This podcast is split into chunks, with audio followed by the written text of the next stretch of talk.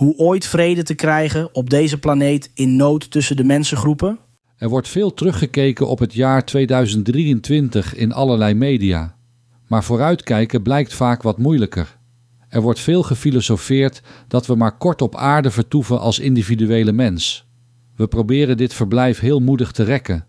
Maar waarom men dan in allerlei gebieden probeert dat leven van anderen en soms zichzelf te bekorten, is voor mij een raadsel. Het is waarschijnlijk dat de mens te veel in korte termijn doelen denkt en niet als groep zorgt voor meer stabiliteit voor de eigen groep. Om maar niet te spreken om samen op deze aarde door te brengen met andersoortig mensengroepen. We zijn zowel gelijk als verschillend.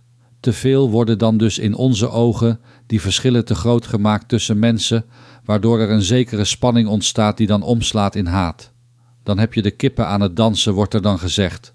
Mooi of beter lelijk niet, want dan begint het neermaaien van de tegenstander. Geen gesprek of mediator kan er dan bij helpen. In onze relatief rustige samenleving nemen de steek- en incidenten maar toe en de ontploffingen in woonweken zorgen naast dat wapengeweld voor nog meer voor onrust. Terug naar de vraag bovenaan deze kolom. Die vrede krijg je door alles te delen, afspraken te maken, te zorgen voor banen en inkomen in alle landen en een sterke landenorganisatie die ervoor zorgt dat in al die onrustlanden mensen een plek krijgen of houden.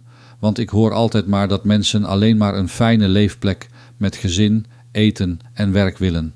Laten we zorgen dat de egoïsten en inpikkers van deze wereld geen kansen meer krijgen om ten koste van anderen alleen maar zelf rijk en machtig en verspillend willen zijn.